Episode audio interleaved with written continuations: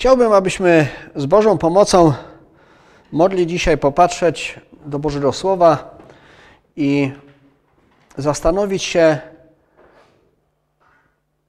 nad tym, jak Bóg nas błogosławi. Tytuł naszego rozważania dzisiejszego to jest Dar Pana. E, pierwotnie założenia były takie, że dzisiaj miało być błogosławieństwo dwójki małych dzieci i do takiej, do takiej uroczystości też y, się tutaj przygotowywałem, aby, aby dzielić się Bożym Słowem. Jest jak jest, dzieci są w domu, ponieważ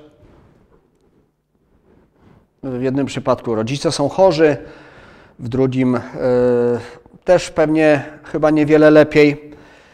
Ale my jesteśmy tutaj i Boże Słowo jest i chciałbym jednak zajrzeć do tego Bożego Słowa i, i ten temat, którym chciałem się podzielić, może troszkę, może troszkę zmodyfikuję, może troszeczkę rozszerzę, abyśmy mogli zobaczyć, jak z jednej strony, jak Bóg działa i co Bóg daje, ale z drugiej strony, jaka też jest nasza odpowiedzialność jako, jako ludzi wierzących.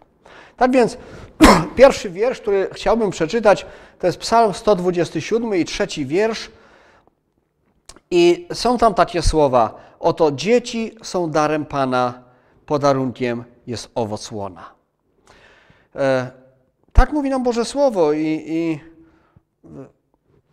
szczególnie może dziś, w dzisiejszych czasach, kiedy, kiedy o wiele jest dyskusji, wiele, wiele argumentów za i przeciw, jeśli chodzi o o, o dzieci, o dzieci narodzone czy dzieci nienarodzone, Boże Słowo nam mówi, że dzieci są darem Pana, że to jest Jego prezent, że to jest Jego łaska i miłosierdzie. Chciałbym czytać dwa fragmenty z Bożego Słowa i na podstawie tych dwóch fragmentów, abyśmy mogli zobaczyć troszeczkę więcej, jak, jak Bóg tymi darami obdarza i, i no ale też co z tego wynika, albo co, co przynajmniej powinno wynikać dla nas dzisiaj. Pierwszy fragment to jest pierwsza księga Samuelowa. Jest to historia narodzenia się e, proroka Samuela. I w pierwszym rozdziale tej pierwszej księgi, w wierszu 11 czytamy tak. Jest to, e, to mowa o Annie. Może tylko jeszcze e, przypomnę. Anna była jedną z dwóch żon Elkany. Anna nie miała dzieci, ta, ta druga kobieta rodziła dzieci.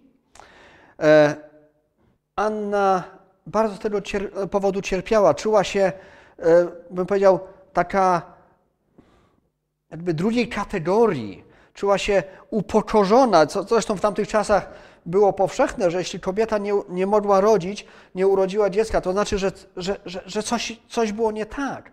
I Anna z, tym, z tą goryczą, z tym takim pragnieniem, marzeniem, z, z tęsknotą jej serca. W jedenastym wierszu y, czytamy, że y, przychodzi do świątyni i płacząc y, modli się tak. I czytamy, i złożyła ślubowanie mówiąc, Panie zastępów, jeżeli wejrzysz na dolę swojej służebnicy, jeśli wspomnisz na mnie i nie zapomnisz o swojej służebnicy i dasz swojej służebnicy męskiego potomka, to ja oddam go Panu po wszystkie dni jego życia, nożyce nie dotkną jego głowy. Taka była modlitwa, takie było e, też ślubowanie jednocześnie, jakby taki, nie wiem, może, by, może moglibyśmy to nazwać taką umową z Bogiem, takim kontraktem. Można tak nazwać. Ale przede wszystkim Anna wylała wszystko, co było w jej sercu. Mówi, Panie Boże, zmiłuj się nade mną. I gdybyśmy poszli dalej, to w 26 wierszu czytamy już historię, kiedy Anna po pewnym czasie, e, prawdopodobnie kilka lat, przychodzi z powrotem do świątyni i w pewnym momencie mówi, do kapłana Heliego, wybacz Panie mój, 26 wiersz, jako żyje dusza Twoja, mój Panie, ja jestem tą kobietą, która stała tutaj przy Tobie modląc się. Od tego chłopca się modliłam, a Pan spełnił moją prośbę, jaką do Niego zaniosłam. Więc i ja odstąpię go Panu po wszystkie dni yy, życia będzie oddany Panu. I pokłonili się tam Panu. Tutaj mamy, chciałoby się powiedzieć, wzorcową wręcz sytuację, kiedy jest modlitwa i jest odpowiedź. Ja zdaję sobie sprawę, że, sprawę z tego, że e, nie zawsze Bóg odpowiada, bym powiedział, tak od razu, choć z drugiej strony, e, kiedy byśmy tak przeanalizowali i pomyśleli troszeczkę o sytuacji Anny, to, to czy ta jej modlitwa w świątyni była jej pierwszą modlitwą? Ja myślę, że ta tęsknota, to pragnienie, e, ten ból w jej sercu były dawno i choć może nie, e, nie, nie przychodziła z tym jakby tak oficjalnie w świątyni się modląc, to, to jestem prawie pewien, że, że ta tęsknota, ta, ta, to wołanie było w niej i, i, i wołała. Niemniej tutaj przychodzi, modli się, Bóg odpowiada, Bóg spełnia, że tak powiem, swoje zadanie, Anna jest uczciwa i spełnia swoją rolę. Wywiązuje się z tej umowy. To też jest bardzo ważne. Ale to, co jest dla mnie tutaj bardzo ciekawe, co bardzo, bardzo mnie uderzyło i, i myślę, że jako ludzie wierzący powinniśmy o tym myśleć, to to, kiedy Anna zaczęła modlić się o swoje dziecko. Zanim się jeszcze poczęło, zanim się urodziło. Myślę, że często, może za często, nie wiem, nie analizowałem tego tematu dokładnie, ale obawiam się, że często jest tak, że o nasze dziecko, czy no powiedzmy o dziecko, rodzice zaczynają modlić się, jak już się urodzi, albo jak jest blisko urodzenia. No dobrze, ewentualnie jak już jest matka w ciąży. Ten fragment jest dla mnie niesamowity, bo on nagle otworzył moje oczy na to, że jako ludzie wierzący powinniśmy modlić się wcześniej, zanim cokolwiek jeszcze zaczniemy działać. W jakimkolwiek temacie, a w temacie dzieci, na podstawie tego fragmentu, powiedziałbym, że szczególnie. Ponieważ często jest, yy, znaczy jest takie powiedzenie, które przy różnych okazjach jest powtarzane, że dzieci to przyszłość narodu, że dzieci, prawda, bez dzieci to, to naród czy, czy dana społeczność umiera. I to wszystko jest prawda. Dlatego myślę, że o te dzieci trzeba się modlić, jak ich jeszcze nie ma. Trzeba już o nie się modlić, trzeba już o, nie o nich myśleć. Trzeba już prosić Boga o łaskę, aby, aby Bóg zaplanował swoim, swojej mądrości, swoim miłosierdziu to, kiedy się mają narodzić, jakie mają być i jak Bogu mają służyć. Anna zaczęła od najlepszego możliwego punktu. Panie Boże, jeżeli Ty darujesz mi dziecko, darujesz mi syna, to ja oddam do Tobie na służbę. To, w jaki sposób Samuel został od, do, do, tej służby przeznaczony, jest w ogóle niesamowite i chyba niedoścignione na swój sposób. Bóg okazał się wierny, Anna też wywiązała się ze swojej roli. Ale chciałbym, abyśmy poszli dalej, czytali inną historię, która jest, bym powiedział, dla mnie trochę taka zagadkowa, ale znowu niesamowita. Druga Księga Królewska, czwarty rozdział. Tutaj troszeczkę większe fragmenty będziemy czytać. Druga Księga Królewska, czwarty rozdział. Jest to historia, w której bierze udział Elizeusz, Boży sługa, Boży mąż. I od ósmego wiersza może zacznijmy czytać ten czwarty rozdział. Pewnego razu przechodził Elizeusz przez, przez Szunem, a mieszkała tam zamożna kobieta, która go zatrzymała, aby spożył posiłek. I odtąd, ilekroć tamtędy przechodził, wstępował do niej na posiłek. Rzekła tedy do swego męża: Oto teraz wiem, że ten mąż Boży, który stale do nas zachodzi, jest święty. Zróbmy więc dla niego maleńką murowaną izdebkę. Wstawmy tam dla niego łóżko, stół, krzesło i lampę. Ilekroć przyjdzie do nas, wstąpi tam. Pewnego razu, gdy znów tam zaszedł i zatrzymał się w izdebce, aby odpocząć, rzekł do swego sługi Gehaziego, zawołaj tę szunamitkę. A gdy ją zawołał, ona stanęła przed nim. Rzecz jeszcze do niego, powiedz jej, oto sprawiła sobie z powodu nas cały ten kłopot. Co można dla ciebie zrobić? Co można dla ciebie uczynić? Czy można wstawić się za tobą do króla lub do dowódcy wojsk? Ona odpowiedziała, mieszkam wśród swojego ludu. Rzekł jeszcze, co by tu dla niej uczynić? Gehazi odpowiedział, wszak nie ma syna, a mąż jej jest stary. Rzekł więc, zawołaj ją. A gdy zawołał, stanęła w drzwiach i rzekł, o tym czasie za rok będziesz piastowała syna.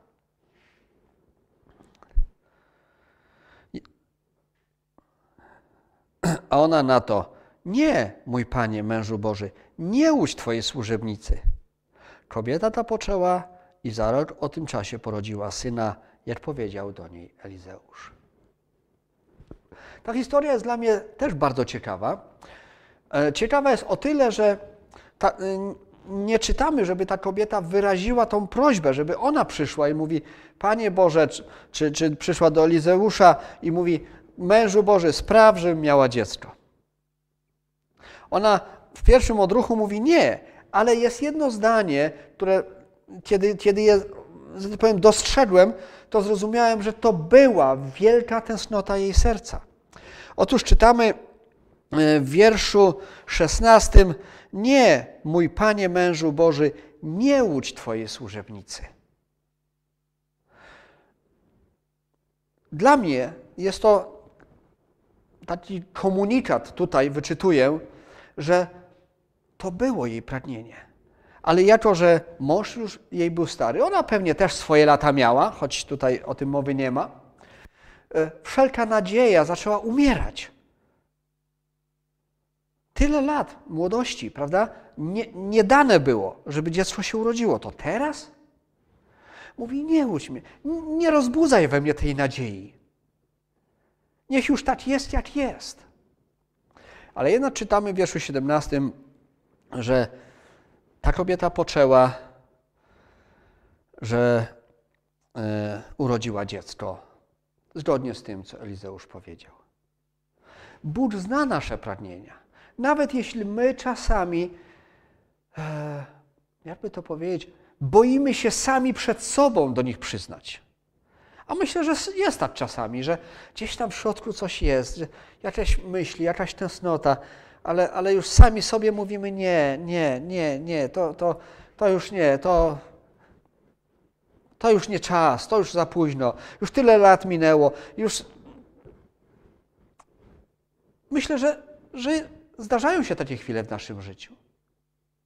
I nawet jeśli sami przed sobą nie chcemy się do, czego, do czegoś przyznać, nawet jeśli sami przed sobą, bym powiedział, sami sobie zaczynamy wmawiać, że, że nie, że to już nie, to przecież jest Bóg, który zna najskrytsze tęsknoty naszego serca. Jest Bóg, który zna każdą myśl, każde drgnienie. Oczywiście, można by było zapytać, dlaczego y, niektórych rzeczy, niektórych darów, niektórych y, obietnic Bóg nie spełnia wcześniej? Nie wiem. Nie znam odpowiedzi na to pytanie. Ale wiem, że kiedy Bóg daje pewne rzeczy do naszego życia, to On robi to w najlepszym możliwym czasie. Bo On wie, kiedy ten najlepszy czas jest. Bo On wie, kiedy, jakby to powiedzieć, gdzieś tak w środku dojrzeliśmy do tego. Czasami nam się wydaje, że my już do czegoś dojrzeliśmy, dorośliśmy, ale Bóg wie, czy tak jest. I może czasami jest tak, że, że, że my musimy te dojrzewanie to ma troszkę inaczej wyglądać, niż my byśmy sobie je wyobrazili. Bóg w swojej mądrości realizuje swój plan, błogosławiąc nas, bym powiedział, niejako przy okazji swoimi darami, swoimi błogosławieństwami. I ta kobieta mówi: Nie, nie, już nie, nie ucz mnie, już nie, zapomnijmy o tym temacie. W ogóle ja nie chcę już o tym mówić. Ale Bóg powiedział i tak się stało. Ale ta historia ma dalszy ciąg. I ten dalszy ciąg jest dla mnie jeszcze bardziej niesamowity. Ponieważ w wierszu 19 czytamy coś takiego. Od wiersza 19 do. E, przepraszam, od wiersza 18 do, do 20. Przepraszam bardzo. Wiersz 18. A gdy dziecko podrosło, wyszło pewnego razu do ojca, do żniwiarzy, wtem rzekło do swojego ojca: Moja głowa, moja głowa. Wtedy ojciec rzekł do niego: Zanieś je do jego matki. A gdy je wziął, zaniósł do jego matki, siedziało na jej kolanach aż do południa, po czym zmarło. Gdyby na tym ta historia się kończyła, myślę, że wielu z nas miałoby poważny problem z, ze zrozumieniem dlaczego, bo nagle Bóg daje, z jednej strony Bóg daje coś, przed czym ta kobieta w pewien sposób jakby się już broniła, a później zabiera. E, nie jestem w stanie sobie wyobrazić bólu tej kobiety, jej cierpienia, kiedy Bóg dał jej dziecko, kiedy już byli ona i mąż w wieku podeszłym, w wieku starszym. E, kiedy dziecko podrosło, czytamy, czyli ileś lat musiało minąć, musiało być na tyle samodzielnie, że, samodzielne, że z domu gdzieś tam na to pole poszło. Nie wiem, może 5, 6 lat? Nie wiem. Kiedy zdawałoby się, że życie nabiera sensu, że wszystko jest dobrze, oto nagle Bóg zabiera to, co dał. Nie jestem w stanie wyobrazić sobie tego bólu, tej tęsknoty. Ale wiecie, co jest w tym piękne? Że ta kobieta wiedziała, co ma zrobić. Ona, powiem, nie darła swoich szat, nie krzyczała, nie buntowała się, nie krzyczała y, przeciwko Bogu, ale poszła do męża Bożego. Poszła do tego, który dał jej to dziecko na Boże, na Boże polecenie.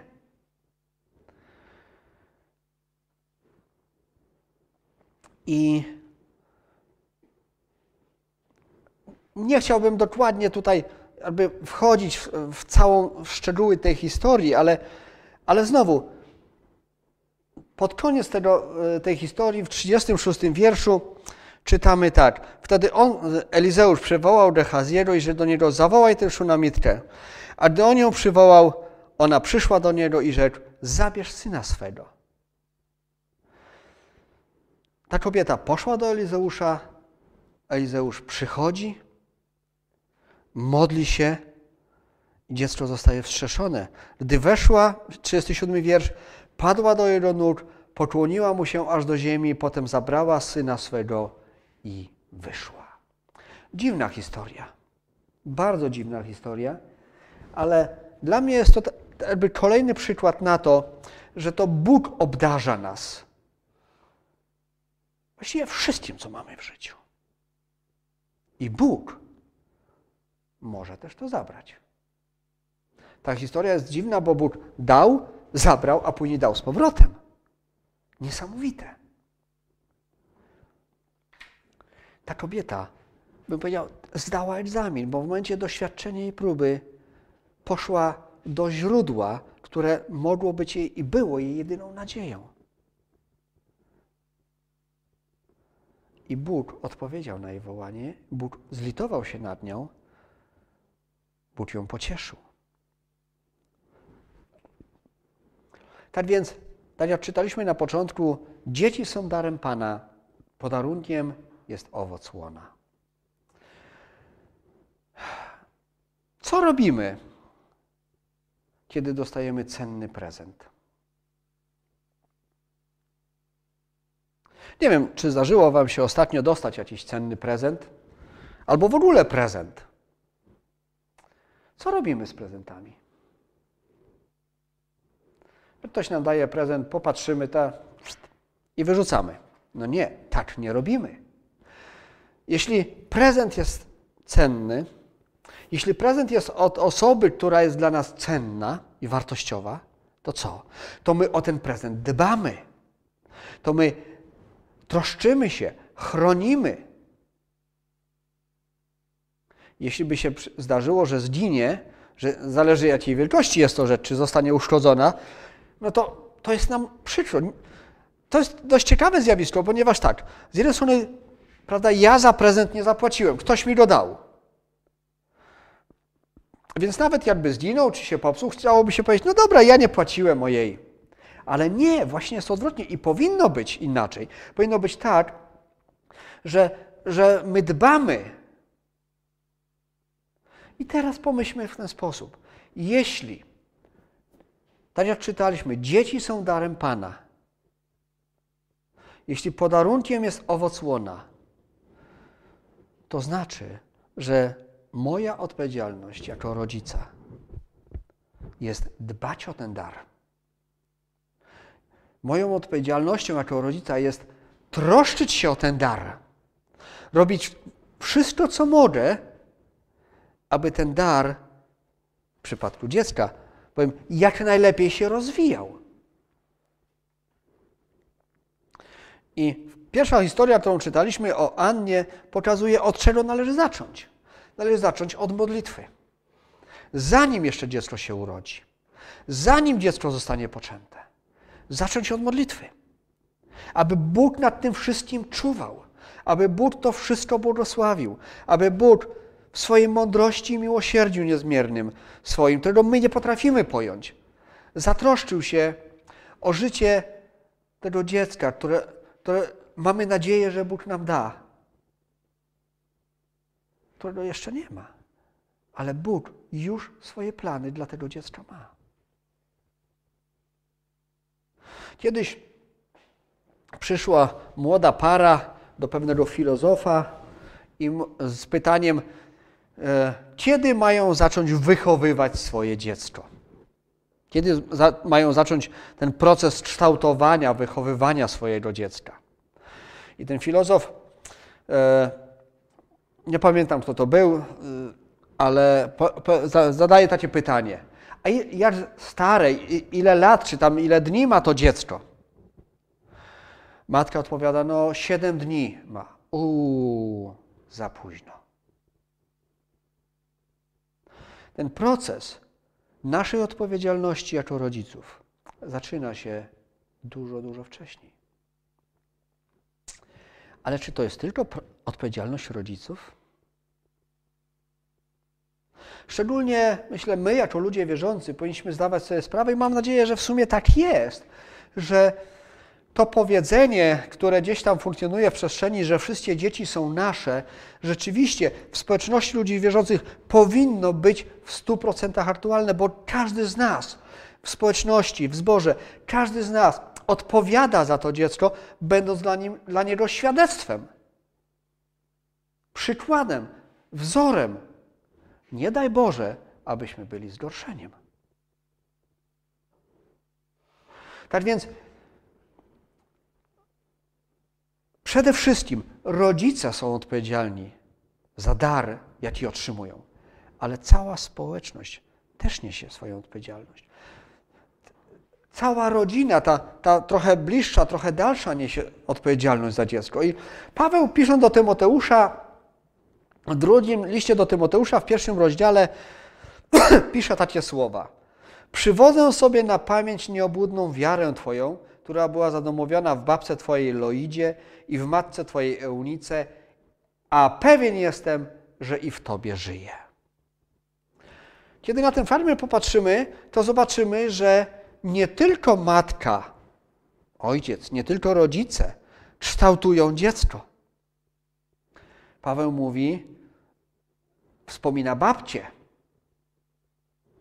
Nie wspomina dziadka, nie wiemy dlaczego, nie wspomina innych krewnych, nie wiemy dlaczego.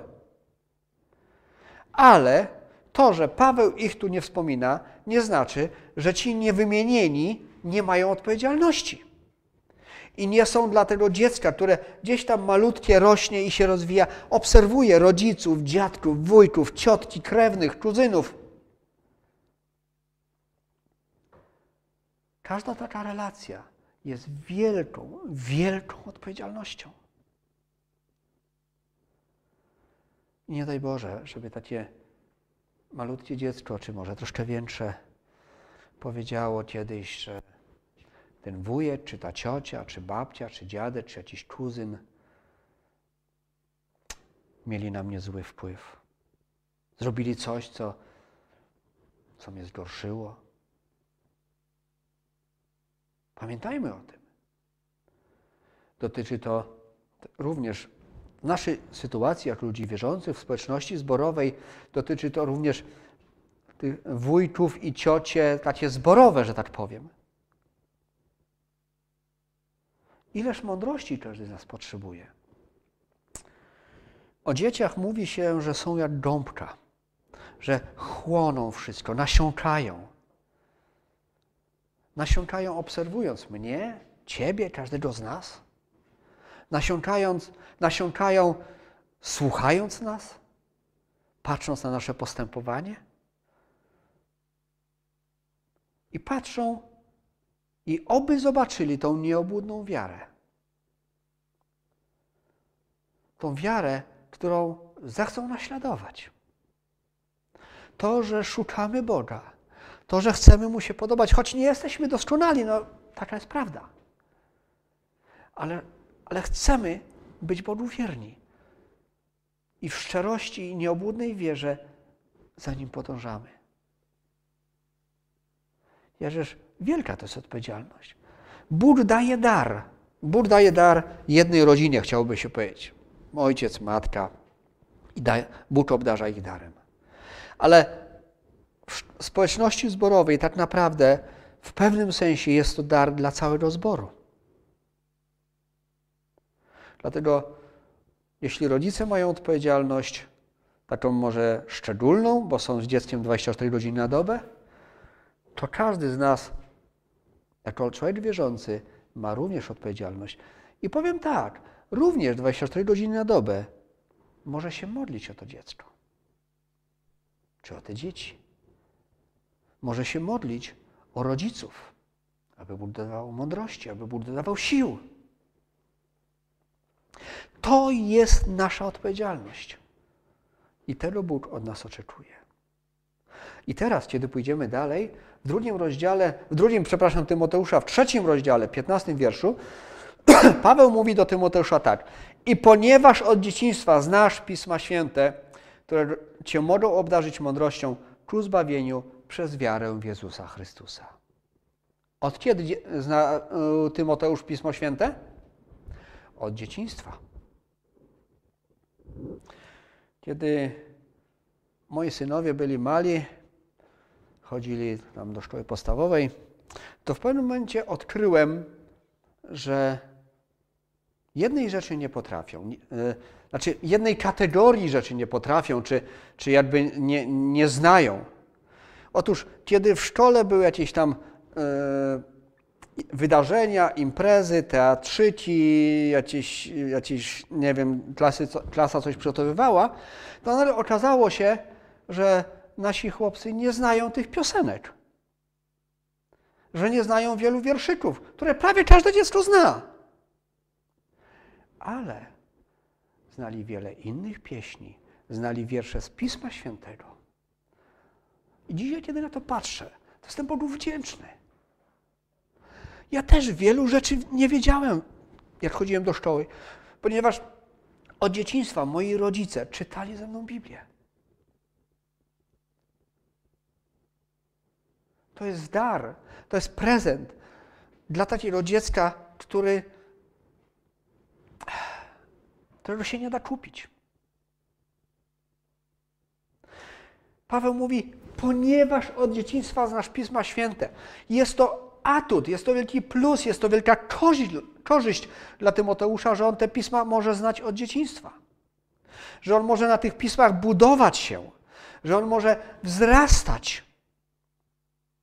Oczywiście, jeśli ktoś przychodzi do społeczności z Bogiem w wieku dorosłym, yy, jako młody człowiek, albo zupełnie już dorosły, czy nawet starszy, to Bóg dzięki swojej łasce i miłosierdziu może spowodować, i, i powoduje to często, y, że, że jeśli tęsknimy i szukamy i czytamy Boże Słowo, to, to w pewnym sensie jakby no, trochę nadrabiamy to, czego nie mieliśmy w dzieciństwie. Ale darem dla dziecka jest to, kiedy może od dzieciństwa znać Pisma Święte. Trochę mi to przywodzi na myśl takie porównanie, kiedy e, są dzieci, może dzieci wychowywane w rodzinach dwujęzycznych, kiedy na przykład jedno z rodziców jest Polakiem, mówi po polsku, a drugie, nie wiem, mówi po niemiecku, po angielsku. I kiedy rodzice potrafią się umówić, i znam kilka takich rodzin, w ten sposób, że e, ta mm, polski rodzic, nazwijmy to w ten sposób, mówi do dziecka tylko po polsku, ten drugi rodzic mówi do dziecka tylko w swoim języku. I te dzieci, kiedy dorosną, znaczy one rozwijając się, dla nich jest to totalnie bez różnicy, który z języków słyszą. One się przełączają między tymi językami w ten sposób. On, jest to dla nich dar, bym powiedział, na, dla, e, w ich życiu później co do znajomości języka. Im później zaczynamy się języka uczyć, tym bardziej boli. Tym więcej pracy musimy włożyć, tym więcej wysiłku musimy włożyć. Jeśli dajemy dziecku dar tego, że od, od kołyski może słyszeć Boże Słowo, to jest to dar, którego mu nikt nie zabierze. Ale też jest jedna bardzo ważna rzecz. Paweł tu mówi, że te pisma mogą cię obdarzyć. Samo z siebie, z automatu nie stanie się to. To nie jest tak, że dziecko, prawda, od kołyski słyszy tylko Boże Słowo i tylko pieśni chrześcijańskie, religijne i już jest, prawda, zbawione. Nie. Ale jest to fantastyczny początek i fundament do tego, aby pokochać Boga, aby Mu zaufać, aby wyznać swoje grzechy. A przecież o to chodzi. To jest nasze pragnienie, to jest nasze marzenie dla naszych dzieci, dla dzieci naszych znajomych, dla naszych y, bratanków, czy, czy siostrzeńców, czy bratani, czy siostrzeniec, siostrzenic, dla dzieci ze zboru. Naszym pragnieniem, mam nadzieję, naszą modlitwą jest to, aby poznały Boga tak osobiście, aby w końcu ta znajomość Pisma Świętego zaprocentowała, zaowocowała wtedy, kiedy też serce się otworzy na, na Bożą miłość, kiedy nastąpi wyznanie grzechów, aby Bóg w swojej łasce poprzez Ducha Świętego mógł rzeczywiście wprowadzić to dziecko we wszelką prawdę. Tylko, że jeśli by dziecko nie znało tego, tak jak każdy z nas, jeśli y, ktoś przychodzi do Boga y, jako człowiek dorosły, a, a nie znał wcześniej Pisma Świętego, to, to, to dopiero zaczyna je poznawać. Dlatego jest to dar niesamowity, kiedy dziecko może znać Pismo Święte od dzieciństwa.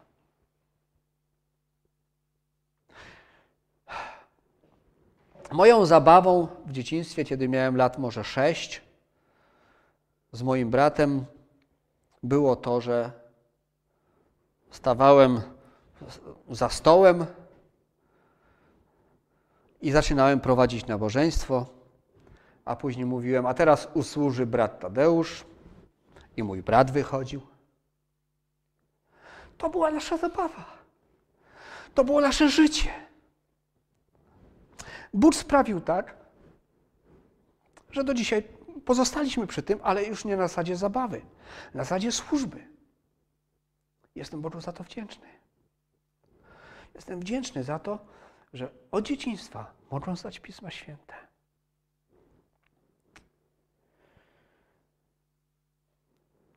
Ewangelia Mateusza, przepraszam, Marka, ale Mateusza też, fragment, który chcę przeczytać z Ewangelii Marka, pokazuje nam, jak Pan Jezus traktował dzieci. Ewangelia Marka, 10 rozdział, od 13 wiersza, czytamy tak. I przynosili do Niego dzieci, aby się ich dotknął, ale uczniowie gromili ich. A gdy Jezus to spostrzegł, oburzył się i rzekł do nich, pozwólcie dziadkom przychodzić do mnie i nie zabraniajcie im, albowiem takich jest Królestwo Boże. Zaprawdę opowiadam wam, ktokolwiek by nie przyjął Królestwa Bożego, jak dziecię nie wejdzie do niego. I brał je w ramiona i błogosławił, kładąc na nie ręce. Dzieci, które w ówczesnych czasach, ale i dzisiaj też, w, każdym, w każdej społeczności, w, każdej, w każdym społeczeństwie, e, z jednej strony dzieci są ważne, tak jak powiedziałem, ale z drugiej strony jest coś takiego, że, że prawda, no, żeby dzieci nie przeszkadzały w ważnych sprawach. Pan Jezus pokazał, że dzieci są ważne, jeśli nie najważniejsze tutaj. Tak jak powiedziałem wcześniej, jeśli dziecko pozna Boga i będzie z nim wzrastało, od dzieciństwa to ma fundament. Słyszałem kiedyś takie, takie nie wiem, relacje. W pewnym zborze była ewangelizacja i, i jedna z, z osób, z członków tego zboru nie mogła być na tej ewangelizacji.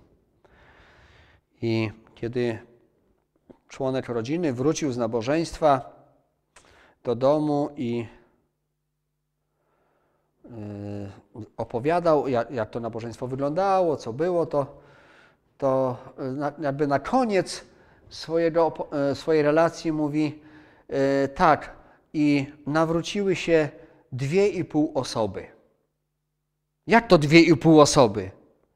No dwie i pół osoby. A, dwoje dorosłych i jedno dziecko. Nie, dwoje dzieci i jeden dorosły. Ponieważ dzieci mają przed sobą całe życie, dorosłemu jakby już tylko pół zostało. Pan Jezus kochał dzieci i chciał przed nimi otworzyć i otwierał przed nim swoje królestwo. Ale jest tutaj jeszcze jedno bardzo ważna rzecz, która często jest powtarzana i ja ją tylko wspomnę. Jeśli nie staniecie się jak dzieci, Jakie są dzieci? Ufne, szczere. Dzieci się pokłócą w piaskownicy, czy tam na, na podwórzu, pobiją się. Czasami nawet śniakami do domu któryś wróci. Ale jestem prawie pewien, że następnego dnia będą znowu rozmawiać ze sobą. Nie to, co my, poważni dorośli. Bo jak my się z kimś pokłócimy, to my już pamiętamy, nie. Mamy być tacy jak dzieci, szczerzy, otwarci. Jeśli Bóg mówi, że się o ciebie zatroszczę, to znaczy, że się zatroszczę. Jeśli Bóg mówi, że przeprowadzi, to znaczy, że przeprowadzi. Ja myślę, że my, jako już dorośli ludzie, za dużo kombinujemy w życiu. Za dużo kombinujemy również w tym życiu duchowym. I tak, wiecie, czasami może wyliczamy. Hmm, no a jak się to nie uda? A jak. No, no Bóg tak mówi, no ja wiem, ale.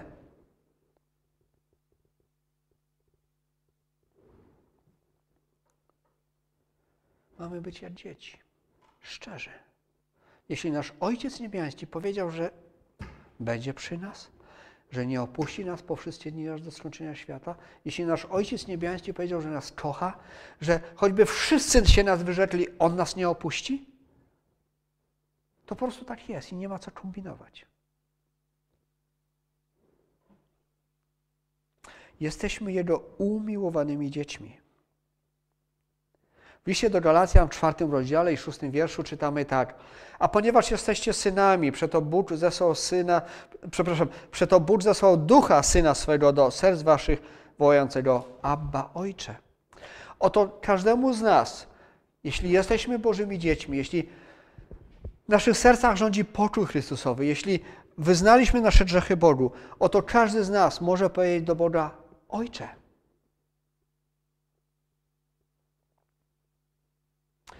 I niezależnie od tego, jacy są lub byli nasi ziemscy ojcowie, czy byli ojcami doskonałymi, czy mniej doskonałymi, czy może zupełnie się zawiedliśmy na nich, ten ojciec daje tylko dobre i doskonałe dary. On wie, czego naprawdę potrzebujemy. On się o nas troszczy. On nas nigdy nie zawiedzie.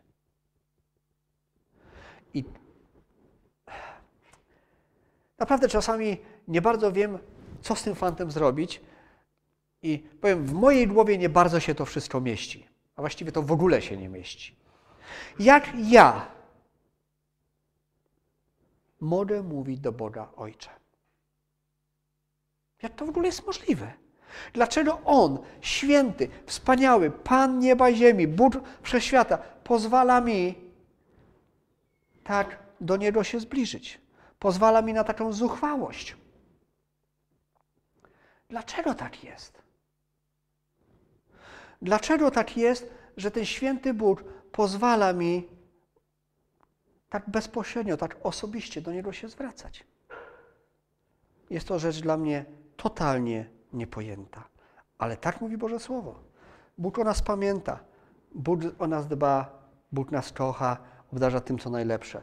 I kiedy dwa dni temu, trzy dni temu chyba rozmawiałem z seniorem naszego zboru, to powiedział tak, a cóż te wszystkie dolegliwości w porównaniu z tym, co Job wycierpiał? O czym my w ogóle gadamy?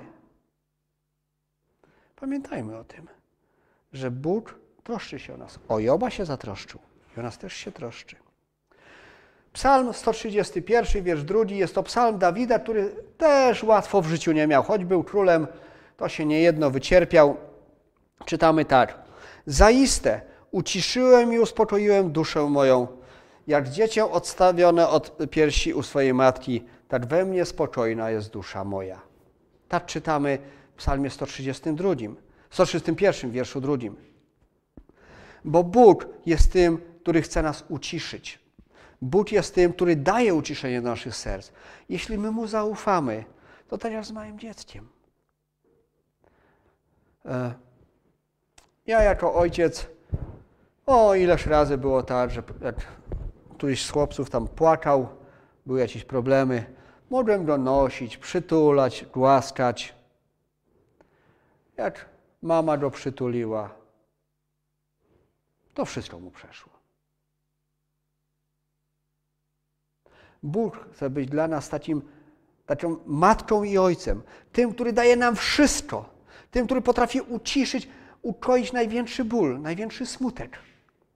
W przypadku Anny, George, jaka miała w swoim sercu, kiedy przyszła z tym do Boga, Bóg za, ukoił ten ból. Bóg odpowiedział na modlitwę, bo taki jest nasz Bóg. I Psalm 145, wiersz 16 mówi tak: Otwierasz rękę swą i nasycasz do woli wszystko, co żyje. Obdarzasz wszystkim, co jest potrzeba. Taki jest nasz Bóg. Obdarza nas darami. E, tym darem najwspanialszym, niepojętym są dzieci, które są darem Pana. E, kiedyś była taka reklama e, której jakby puenta była taka, że na przykład zadowolenie teściowej jest bezcenne, za całą resztę zapłacisz kartą kredytową. Za wiele rzeczy w życiu możemy zapłacić, wiele rzeczy możemy kupić. Nie kupimy Bożego błogosławieństwa. Nie kupimy daru, jaki Bóg chce nam dać, owocu łona. Nie kupimy Bożej łaski nie kupimy zbawienia. Nie kupimy społeczności z Bogiem. Dlatego dziękujmy Bogu za to, że On nas tak bardzo kocha. Dziękujmy Bogu za to, że On się o nas troszczy. W swojej mądrości niezmierzonej rzeczywiście od pierwszego dnia naszego życia, a właściwie zanim jesteśmy, y, się urodzimy, zanim zostaliśmy poczęci, Bóg się o nas troszczy. I to, że jesteśmy tu, w tym miejscu, to jest Jego dar, Jego łaska, jego miłosierdzie. Niech nas Bóg błogosławi i prowadzi.